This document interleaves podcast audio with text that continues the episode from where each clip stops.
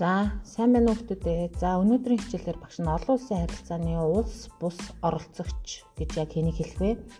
За, тэгээ олон улсын харилцааны улс бус оролцогч одоо ямар эрх зүйн хувьд одоо эрх үүрэгтэй байдаг вэ гэдэг талаар ярилцах гэж байна.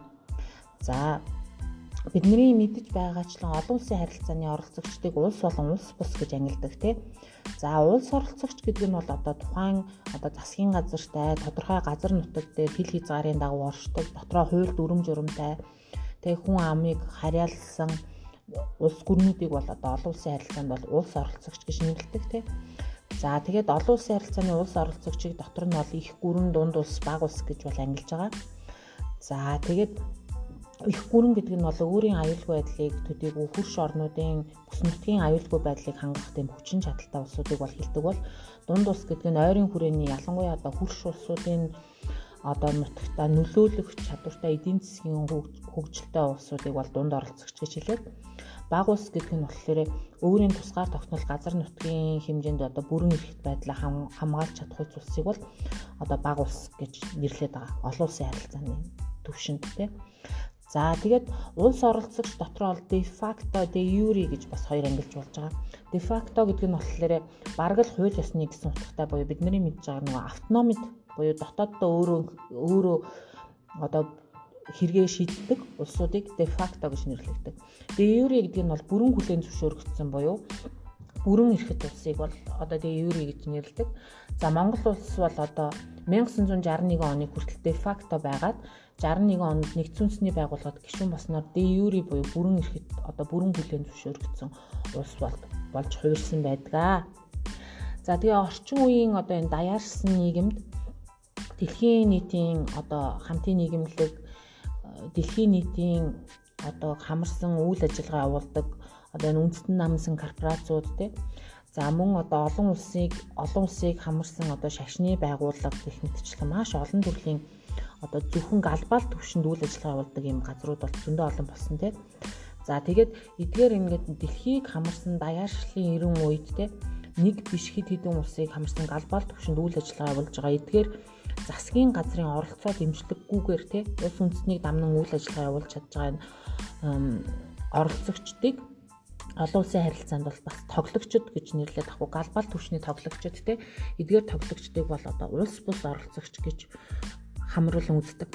За тэгээ улс бус оролцогч гэдэг дотроо яг юу байх вэ гэж байгаа. За тэгэнгүүт одоо олон улсын харилцааны улс бус оролцогч нь олон улсын байгууллагууд. За нэгдүгээр нэгдсэн үндэсний байгууллага. За тэгээд нэгдсэн үндэсний байгууллагын салбар байгууллагууд ч юм уу те нүүб тэргүүтэй олон улсын байгууллагууд за бидний мэдж байгаа нөгөө Европын холбоо Шанхай хамтын ажиллагааны нийгэмлэг гэх мэтчлэн олон улсын байгууллагууд байгаа хгүй За олон улсын байгууллагууд за тэгэнгүүт энэ Шанхай хамтын ажиллагааны нийгэмлэг Европын холбоо ASEAN APEC эднэр бол бүгд одоо олон улсын байгууллага гэдэг үйл ажиллагаанд оролцсон. За тэгээ олон улсын байгууллагууд болохоор нөгөө төрийн удирдах төвшөнд буюу тухайн улс үндэстнүүдийн засаглалын төвшөнд үйл ажиллагаагаараа нийлүүлж эдийн засаг, соёл, нийгэм, инх тайван эрхчлөө гэж маш олон төрлөөр хамтран ажилладаг олон улсын одоо сайн дураараа нэгдсэн байгууллагууд баггүй. Тэгээ засгийн газар төрийн хэмжээнд үйл ажиллагаа явуулдаг. Тухайн улсын засаглалын хэмжээнд нөлөөлж чаддаг За тэгээд нэгдсэн одоо дэлхийн нийтийг хамарсан нэгдсэн шийдвэр нэгдсэн алхамд хүрч чаддаг дэлгэр газруудыг бол олон улсын байгууллага гэж нэрлэж байна. За тэгвэл түүнтэй яг адилхан олон улсын төрийн бас байгууллагууд олон улсын төрийн бас байгууллагууд нь бол одоо дэлхийн маш олон улсуудад одоо хүний эрх хэрэгчлөө байдаг юм уу эсвэл одоо нийгэм доторх ямар нэгэн зөрчил иргэний нийгмийн үйл ажиллагааг дэмжин явуулдаг газрууд гэсэн үг байхгүй? Тэгээд жишээ нь гэхэд нөгөө хил хязгааргүй эмчнэр Amnesty International гэдэг хүний эрхийн байгууллага нар бол орно. За тэгээ олон улсын төрийн бус За олон улсын төрийн бус байгууллагууд нь одоо төрийн байгууллагаас одоо өөр хувийн сайн дурын шинжтэй бий болсон. За тэгээ олон нийтийн байгууллагууд За тэгээ хүмүүнлэгийн, нийгмийн асуудлыг бол одоо голчлон анхаардаг. За тэгээ засаглалын төвшөнд бол төрийн төвшөнд үйл ажиллагаа явуулахаас илүү тухайн улс оронд байгаа иргэний нийгмийн байгууллагууд, төрийн бус байгууллагуудыг хамтарч идэвхжүүлэн одоо нийгмийн иргэдийн нийгмийн оролцоог дэмжсэн тийм үйл ажиллагаа явуулдаг байгууллагуудыг олон улсын төрийн бус байгууллагууд гэдэг. За тэгээ олон улсын төрийн бус байгууллагууд бол одоо хоёр болон түүнээс дээш улсад үйл ажиллагаа явуулж явах хэрэгтэй. За тэгээ сайн дурын шинжтэй байх хэрэгтэй. За тэгээд засгийн газраас хамааралгүйгээр үйл ажиллагаа явуулж явах хэрэгтэй. Тухайн улс орны засгийн газруудаас ямар нэгэн оролцоо дэмжлэггүйгээр үйл ажиллагаа явуулдаг газруудыг олон улсын байгууллага гэж байгаа. За олон улсын төрийн бас байгууллагууд тийм За тэгээд тэн дотор Amnesty International бол одоо дэлхийн 100 гаруй улсад үйл ажиллагаа явуулдаг хүний эрхийн төлөө байгууллага баггүй. Тэгээд энэ нь тухайн улс үндэстний засгийн газраас үл хамааран тухайн улс орны иргэдэд хүний эрхийн талаарх мэдлэг ойлголт өгдөг те хүний эрхийн зарчмуудын талаар сургалт семинар явуулдаг те гих мэтчлэн бас хүний эрхийн чиглэлээр ажилладаг тухайн улс орнуудын төрийн бас байгууллагуудыг дэмжин санхүүжүүлдэг ч гэдэг юм уу. Тийм байдаг. За тэгээд энэ олон улсын төрийн бас байгууллагууд нь олон улсын харилцаанд бас ингээ хүчтэй нөлөө үзүүлдэг болсон. Одоо дэлхийн нийтээр одоо тухайн улсын улс оролцогч нар одоо засгийн газруудын өөрсдийгөө харж байгаа өөрсдийгөө дүгнж байгааг одоо ингээд олон улсын төрийн бас байгууллагууд хөндлөнгөөс хараад те тухайн улс үндэстнүүдийн одоо засаглал төр нийгмийн явц үйл явцыг хөндлөнгөөс хараад хөндлөнгөөс дүгндэг те. Бас ингээ критикл байдлаар шүүмжилдэг ч гэдэг юм уу те. Тэр талаараа энэ олон улсын төрийн бас байгууллагууд бол дэлхийд маш их одоо ингээ олон улсын харилцаанд аюул нөлөөтэй болсон. За өмнөх нөгөө олон улсын байгууллага гэдэг дээр нь нэгдсэн үндэсний байгууллага тэгээд ASEAN APEC одоо энэ Европын холбоо Шанхай хамтын ажиллагааны нийгэмлэг гэх мэтчлэн засгийн газрын түвшинд хамтардаг байгууллагууд байсан бол төрийн бус байгууллага нь бол засгийн газар биш харин тухайн улс доторх иргэний нийгмийн байгууллага төрийн бус байгууллагуудтай хамтран ажилладаг гэдгээр юм ялгаатай байна. За мөн олон улсын харилцааны дараагийн нэг чухал тоглогч бол одоо энэ үндэстэн намсан корпорациуд тий. За нөгөө дэлхийн даяар шаад эдийн засгийн хувьд одоо нөгөө нэг нэгэндээ нөлөөлөх болсноос хойш дэлхийн одоо хит хитэн улсад үйл ажиллагаа явуулдаг тий олон улсад үйл дүрлэл гаргадаг. Санхүүгийн нөөц ихтэй за тэгээ баялагийг маш ихээр хуваарлаж шилжүүлдэг тий бүтээж чадж байгаа юм үндэстэн намсан корпорациуд дэлхийн одоо энэ санхүүгийн нөөц ихтэй за дэлхийд даяар ингээд нөлөөлж чаддаг юм том том корпорациуд бий болсон тий. Тэдгээр нь одоо дэлхийн эдийн засгийг одоо ингээд хааш нь хөдөлгөх үү, яаж чиглэх үү, юу хийх вэ гэдгийг бүгдийг нь одоо ингээд шийдэж байна. За тэгээд энэ олон улсын олон улсын хэмжээнд үйл ажиллагаа явуулдаг энэ үндэстэн намсан корпорациуд нь бол одоо жишээ нь Toyota, Walmart ч юм уу Coca-Cola за тэгээд одоо юу гэж болох юм тэр манахаас доо оюутлогч гэдэг юм те За ингээд дэлхийн хит хитэн улсад үйл ажиллагаа явуулаад тэгээд тэдгээр үйл ажиллагаанууд нь ингээд дэлхийн эдийн засгийг ингээ хөдөлгөж идэг, мотивацлж идэг. Эдгээр компаниуд ингээд олон улсын харилцаанд маш том нөлөөтэй болчихж байгаа хгүй. Тэгээд энэ нь болохоор яах вэ гэхээр бүх дэлхийн эдийн засаг чинь өөрөө ийм аалзны торн сүлж сүлжээс шиг ингээ уялдаа холбоотой нэг нөгөөгөөс хамааралтай тий. Тэгэхээр энэ дэлхийд даяар нөлөөлж чадахгүй тийм том том корпорациуд бол засгийн газраас тухайн улс орны шийдвэрээс үл хамааран олон улсын харилцаанд бүр ингээд нөлөөлж чадчих байгаа. Бусад улс орнуудад нөлөөгөө үзүүлж чадчихжээ тий. Тэгэхээр энэ бол олон улсын харилцааны бас нэг том оролцогч бол үндэстэн намсан корпорациуд байгаамаа. За тэрний гадна олон улсын хэвлэл мэдээллийн хэрэгслүүд байна. За одоо жишээ нь юу вэ гэхээр одоо дэлхий бас ингээд даяарчлаглаад нөгөө хэвлэл мэдээллийн сүлжээ бас ингээд дэлхийн нийтийг холбосон ийм том сүлжээнүүд бас дэлхийд даяар явагдаж байгаа улс төр нийгэм соёлын шийдвэр дэлхийн нийтээр болж байгаа үйл явдлын мэдээ мэдээллүүдийг цаг алдахгүй хүргэж байгаа тийм энэ том хэвлэлийн одоо энэ сүлжээсүүд маань өөрөө одоо дэлхийн нийтийг бас ингээд маш том нөлөөтэй олон улсын одоо оролцогч улс бус оролцогч болчихж байгаа хгүй одоо жишээ нь CNN, BBC ч юм уу те За тэгээд одоо эдгээр компаниуд BBC, CNN одоо бидний Bloomberg ч гэдэг юм те энэ эдгээр энэ хэвлэл мэдээллийн энэ дэлхийг холбосон энэ сүлжээ өөрөө олон улсын төвшөнд асуудлыг ингээ гаргаж ирж ярилцдаг, хүнддэг. За тэгээд бас олон улсын харилцаанд бүр ингээ нөлөөтэй оролцогч болж таарж байгаа. болж хувирсан. Нэр нь бол За тэгээд нөгөө одоо энэ онлайн цахим одоо энэ Twitter ч гэдэг юм уу Facebook ч гэдэг юм те эдгээр нь бас одоо ингээл нөлөөлөл нь олон улсын харилцааны улс бус оролцогчны нэг хэсэг болсон. За тэгээд олон улсын харилцааны улс бус оролцогч дотор бас нөгөө шашны байгууллагууд бас их нөлөөтэй байдаг. За одоо юу гэм буддын шашны юм уу христийн шашны католик одоо жишээ нь католик шашны төв одоо нөгөө нэг ромын паплам. За ромын пап бол нэг тусдаа тий католик шашны сүмхийд Ватикан ч гэдэг юм уу тий эсвэл одоо буддын шний төвөө заа ялангуяа хамгийн их дэлхийн одоо олон улсын харилцаанд нөлөө бүхий оролцож чаддаг нь одоо энэ исламын шашны байгууллагууд баггүй. Тэгэхээр энэ шашны байгууллагууд нь дэлхий дээр байгаа хүмүүсийг ингээд үзэл бодол, ихтгэл үнэмшлэр нь нэгтгээд за тэгээд дэлхийн нийтийг хамарсан ийм олон улсын түвшинд одоо нөгөө байр сууриа илэрхийлж олон улсын түвшинд бусдад нөлөөлж дэлхийн улс орнуудад за тэнд байгаа иргэдэд бас ингээд нөлөөгөө үзүүлж чадж байгаа учраас эдгээр газруудыг бас нөгөө олон улсын харилцааны улс бус оролцогч гэж үздэг байгаа шашны байгууллагууд. За тэгээд одоо нөлөө бүхий хүмүүс байна. За тэр нь одоо юу гэдэг нь далаа лам эсвэл ромын пап. За магадгүй одоо Bill Gates гэдэг юм уу те. Дэлхийн нийтэд танигдсан юм нөлөө бүхий хүмүүс бас олон улсын харилцааны оролцогч болж таарч байна. Улс бус оролцогч. Яагаад вэ гэхээр одоо тэр хүний гаргаж байгаа шийдвэр, тэр хүний хэлж байгаа үг, тэр хүний үйлдэл маш олон хүмүүсийг өөрөөсөө дагуулж байна. Урайлж нөгөө charismatic гэдэг чинь бусдыг дагуулж чадж байна, бусдад нөлөөлж чадж байна. За тэгээд энэ нийгэмд үзэл бодол байр суурь улс төрт хүрт нөлөөтэй байж чадж байгаа учраас нөгөө олон улсын харилцааны улс бус оролцогч гэдэг дээр хувь хүнийг бас оруулдаг. За олон улсын харилцааны улс бус оролцогчийн дараагийн нэг хэсэг нь болохоор энэ гимт хэргийн сүлжээс бас энэ гимт хэргийн байгууллагууд байна л да. За одоо гимт хэргийн сүлжээ байгууллагууд гэдэг нь улс үндэстэн намд нөгөө хүний хулгайлах эсвэл зэвсгийн 8 юм уу хар тамхи юм уу эсвэл нөгөө санхүүгийн одоо ловер хийдэг эсвэл мөнгө угаадаг газар те эднэгээр нь бас олон улсын харилцаанд ингээ олон улсын хэмжээнд гимт хэргийн юм сүлжээ байгуулсан. Тэгэхээр энэ олон улсын харилцааны бас улс бос оролцогч байна. Хэдийгээр бид нар нөгөө ийм зүйлийг байлгахыг хүсдэггүй олон улсын харилцааны те бид нэг ингээ хууль тогтоомж эрх зүйн хэм хэмжээ дүрм журмаараа мөрдөж улс орон болгон инх тайван сайн сайхныг хүсэж байгаа ч гэсэн энэ нөгөө гемт хэргийн сүлжээс бас олон улсын харилцааны ингээ улс бус оролцогч болоо хувирсан. Эдгээр гемт хэргийн сүлжээнүүд нь дэлхийн нийтийг бас ийм нөгөө тулгамдсан асуудлуудад учруулж байгаа учраас энэ нь бас ингээ олон улсын харилцаанд оролцогч болоод байгаа хгүй бид нарыг хүссэн хүсээгүйгээр За мөн одоо энэ террорист байгууллага зэвсэгт бүлэглэлүүд байна тий. За өөрсдийн ихтгэл үнэмшлэр одоо нэгдсэн нөгөө жихад гэдэг юм алкайдач гэдэг юм уу тий. Эсвэл алын улс гэж бүлэглэл байгуулсан. Эдгээр бүлэглэлүүд нь бид нар өөрсдөө олон улсын харилцаанд эднэрийг оролцогч гэж хүлээн зөвшөөрөхийг хүсэхгүй байгаа ч гэсэн эдгээр улсууд нь дэлхийн маш олон улсад нэр нөлөөтэй байна.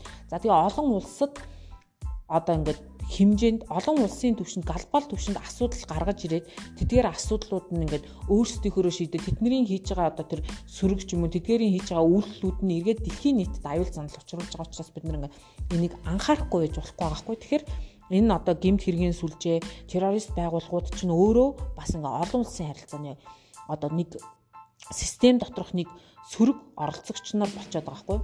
За тэгээд эдгээрийг одоо улс бус оролцогчдын нэг болоод За тэгээд одоо эднэр одоо Аль-Каидач гэдэг юм уу те Осама бин Ладен ч гэдэг юм уу эдгээр хүмүүс нь ингээд ямар нэгэн тийм террорист байгууллага, террорист үйл ажиллагаа явуулаад дэлхийн нийтэд аюуллаа учруулж байгаа учраас олон улсын харилцаанд оролцогч болчиход байгаа.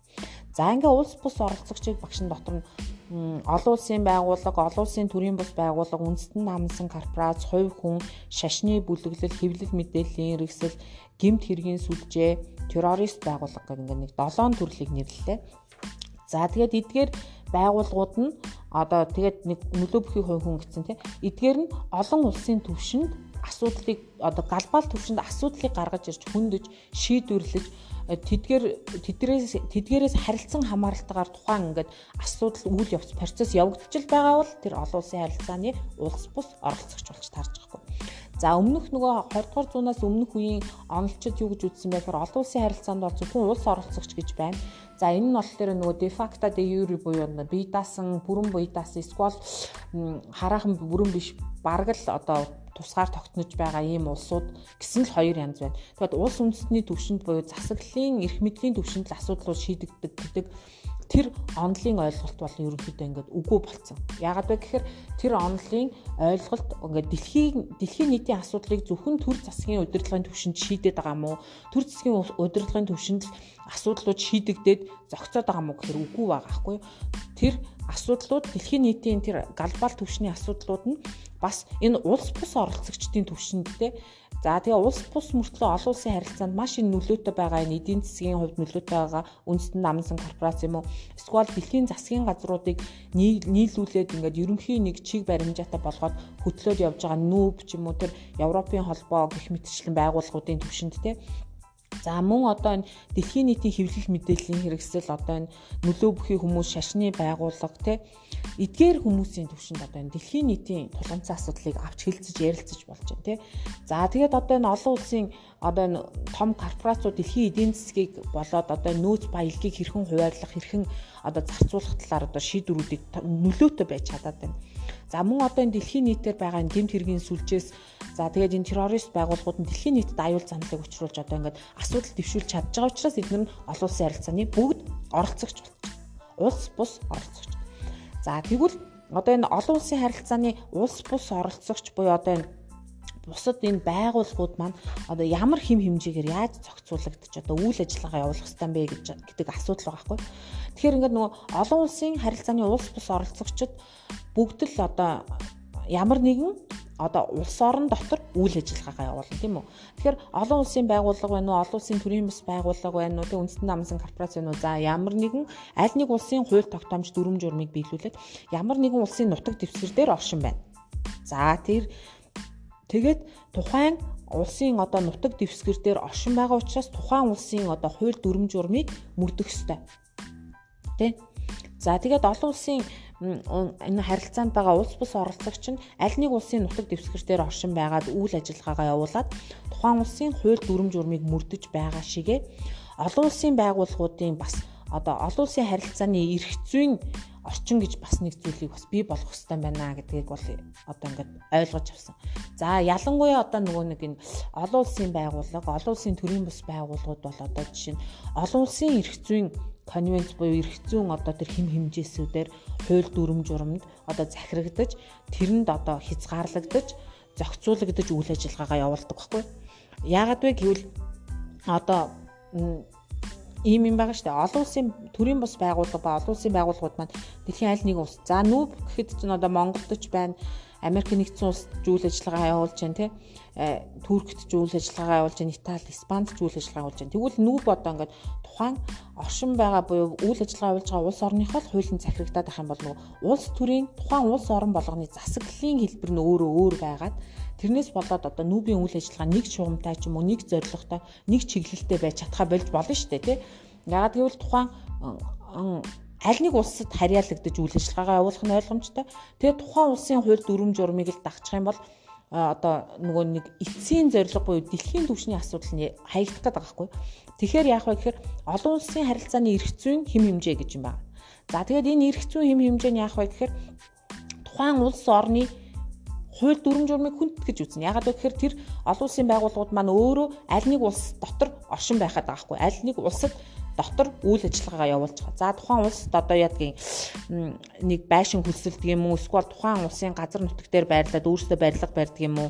За тэгэнгუთ тухайн улс орны хууль тогтоомжинд бол захирагдах гэдэг. За тэрнээс гадна олон улсын харилцааны эрх зүйн хэм хэмжээ гэдэг зүйлийг гаргаад за тэр эрх зүйн хэм хэмжээгээр тухайн улсын хуулиас гадна олон улсын харилцааны улс бус оролцогчийн хүрээнд ямар эрх зүйн хэм хэмжээтэй байх юм бэ? Бүх хуулинд нь захирагдаад байх юм? Эсвэл тэр олон улсын эрх зүйн хэм хэмжээндээ захирагдах юм уу гэдгийг бас ингээд тусгаж өгдөг. За тэр нь одоо юу вэ гэхээр нэгдсэн үндэсний байгууллага нь одоо ингээд нүүбийн гаргаж байгаа тэр эрх зүйн хэм хэмжээнүүдэд конвенц дүрмүүдэд захирагдах хэрэгтэй тийм үү? За тэгээд олон улсын олон улсын далайн байгууллага болон олон улсын эрх зүйн хэв хэмжээнүүдийн тухай ингээд 1982 оноос эхлээд далайн эрх зүйн тухай хууль гэж хэлэл гарсан байна. За дараа нь олон улсын харилцааны эрх зүйн хэв хэмжээний тухай хууль. За энэ хууль, зарчим, олон улсын харилцааны зарчмуудыг ингээд багтаасан нэг тийм ерөнхий зүйл бий болгож байгаа хгүй юу. За тэгээд тэн дотор юу байх вэ гэхээр тэр олон улсын байгууллагууд тухайн улс орн дотор оршиж байгаа учраас ямар эрхтэй юм, ямар үүрэг хүлээх тий. За ямар нөхцөл тухайн улсын хууль дүрм журам захирагдах юм? Ямар нөхцөлд тухайн улсын хууль дүрм журам биш олон улсынхаа төвшний тэр хууль дүрм журам захирагдах юм гэдгийг ялгаж өгч байгаа. За одоо жишээ нь олон улсын байгууллага бол одоо дипломат харилцаанд одоо өөрийн өөрийгөө төлөөлж оролцох хэрэгтэй байхгүй юу? олон улсын хэмжээнд гэрээ байгуулах хэрэгтэй тий. За тэгээд улс орнуудад өөрийн төлөөлөгчөө суулгах хэрэгтэй. За тэгээд тухайн олон улсын байгууллага бол одоо олон улсын эрх зүйг зөрчсөн ямар нэгэн улсад одоо буруутай үйлдэл гаргаж байгаа улсад хариуцлага тооцдог ч юм уу те учруулсан хохирлыг нь хэмжлэх үүрэгтэй те тэгээ олон улсын байгууллагууд нь өөрийн гэсэн мөнгөн хөрөнгөтэй те байх ёстой гэх мэтчлэн одоо ингээд эрх эрхүүд бол нэгж байна. За мөн одоо тухайн улсын дотоодын асуудал бас тэр хамаг оролцож байна. Олон улсын байгууллага гэдэг нэрийдлэр ингээд тухайн улсын хууль дүрмж юм уу хууль тогтоог дэг журамд бол ингээд хүндэтгэлтэй хандах хэрэгтэй дотоод асуудалд нь ингээд нэг бүрчлэн оролцоод авах ёсгүй ч гэдэг юм уу те. Гэх мэтчлэн одоо юуг олон улсын байгууллага одоо олон улсын төрийн бус байгууллагын олон улсын харилцааны улс бус оролцогчид хүлээн зөвшөөрхийн за юуг зөвшөөрөхгүй вэ гэдгийг одоо энэ эрх зүйгээр нь ингэж ялгаж өгсөн байдаг. За тэрийг багш нь дараа нь бүр нэлээд сайн тайлбарлаж дараа нь одоо юу ядгийн дараа дараагийн ангид орно. За одоо энэ жилдээ бол ингээд олон улсын харилцааны эрх зүйн хэмжээг бол нэг тэгж нарийн ярихгүй ерөнхий л юм яриад дуусч байгаа. За нэгдсэн үндэсний байгууллагаас одоо ингээд 100 одоо нэг нүүбийн дүрм гэж байгаа хгүй. За тэрний 104 дугаар зүйл дээр одоо нүүбийн өөрийн гишүүн орнуудын нутаг дэвсгэр дээр үйл ажиллагаа явуулна. За тэгтээ бол зорилгодоо хүрэхийн тулд эрх зүйн одоо чадамжаа өөрөө эзлэх хэрэгтэй. За тэр нь юу гэхээр нүүбийн зорилго, нүүбийн тэр нэг олон улсын нүүбийн зорилгод хүрэхийн тулд нэгдсэн үндэсний байгууллагын төвшөнд олон улсын харилцааны улс бус оролцогчийн эрх зүйн чадамжтай байх байхгүй. Тэгэхгүй тухайн улс орондоо ингээд захирагдаад байхгүй гэдэг тэр нөхцлүүдийг бас ингээд тусгаж өгсөн байдаг. За тэгээ олон улсын харилцааны энэ улс бус оролцогч нарыг бас одоо ингээд үүсгэн байгуулагч нь ингээд янз янз байдаг. За жишээ нь одоо энэ Жорж Сорс гэх Сорсын санг байгуулсан хүн бол одоо нээлттэй нийгэмлэг хүрээлэн бол хувь хүн одоо тухайн одоо ингээ үүсгэн байгуулагч байж болдог тий. За тэгээд одоо энэ Алкаида бүлэглэлэгч гэдэг юм уу тий бас ингээд нөгөө нэг бас ингээ хувь хүмүүс үүсгэн байгуулсан байж болно те. За мөн одоо олон улсын төвшөнд одоо ингээд улс орнууд хамтран бас үүсгэн байгуулсан байж болно. Олон улсын байгууллага бол төрийн бас байгууллага биш. Байгууллага бол одоо жишээ нь Европын холбоо гэхэд Европын улсуудын засгийн газрууд нийлээд ч гэдэг юм уу те. За ASEAN, APEC гэлтэй. За тэгээд мөн одоо бүс нутгийн түвшинд үйл ажиллагаа явуулдаг нь Европын холбоо Шанхай хамтын ажиллагааны нийгэмлэг бол одоо глобал буюу дэлхийн нийтийн түвшинд үйл ажиллагаа явуулдаг одоо НАТО нэгдсэн үндэсний байгууллага ч гэдэм үү те тийм бас байгууллагууд байна. За мөн одоо олон улсын хамтарсан холбоод гэж бас байдаг те. Тэгээд эдгээр нь бол ингээ хоорондоо бас ингээ ялгаатай юм аа.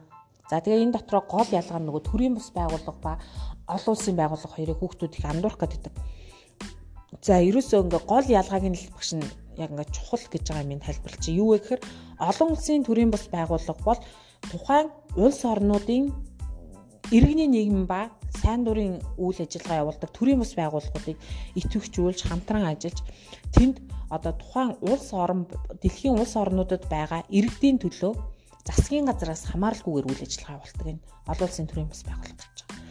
За хүмүүнлэг одоо тэр иргэний нийгэм одоо байгаль орчин юуны чиглэлээр ч байсан те. Гол нь засгийн газраас ерөөсөө огт хамааралгүйгээр. За тэгээд тухайн улс орнуудынхаа иргэдийн төлөө сайн дурын үйл ажиллагаа явуулдаг газруудыг олон улсын төрийн бас. За харин олон улсын байгууллага гэдэг нь олон улсын байгууллага гэдэг нь улс орнуудын засгийн газрууд нийлээд хамтарч үйл ажиллагаа явуулж байгаагаа олон улсын байгууллага гэж улс орнуудын засгийн газрын төвшөнд төрийн удирдлага засаглалын төвшөнд үйл ажиллагаа явуулдаг бол олон улсын байгууллага гэж байна. За ингээд ерөнхийдөө өнөөдрийн хичээл бол болчлоо. За багш нь тэгээд нөгөө нэг ажиллах даалгавруудын хийх юмнуудын хичээлүүдийн Google Classroom дээр нь одоо дасгал юунуудыг хэлээд өгчээ. За тэгээд миний хүмүүс гэрийн даалгаврыг Google Classroom дээр өгч учраас тэндээсээ хараа хийгээрэй. Анхаарал хандуулсанд баярлалаа.